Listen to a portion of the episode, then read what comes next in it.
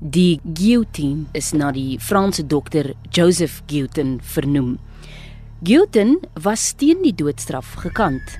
Hy het besef dat hy dit nie sal kan stop nie en het gepoog om 'n meer menslike manier te vind om die doodstraf te voltrek. Nou die guillotine of valbuil is 'n toestel waarmee mense onthoof word.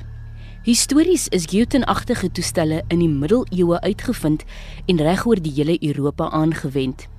Die valbuil is egter vir die heel eerste keer algemeen in Frankryk tydens die Franse Revolusie van 1789 gebruik. Dit was destyds die enigste wettige manier van teregstelling in Frankryk gewees. Dit was ook algemeen in lande soos België, Duitsland en Swede.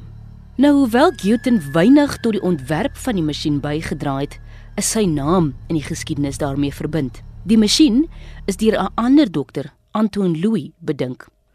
Die toestel het vinnig teen Guillotine se wil as die guillotine of dan nou valbuil bekend geword.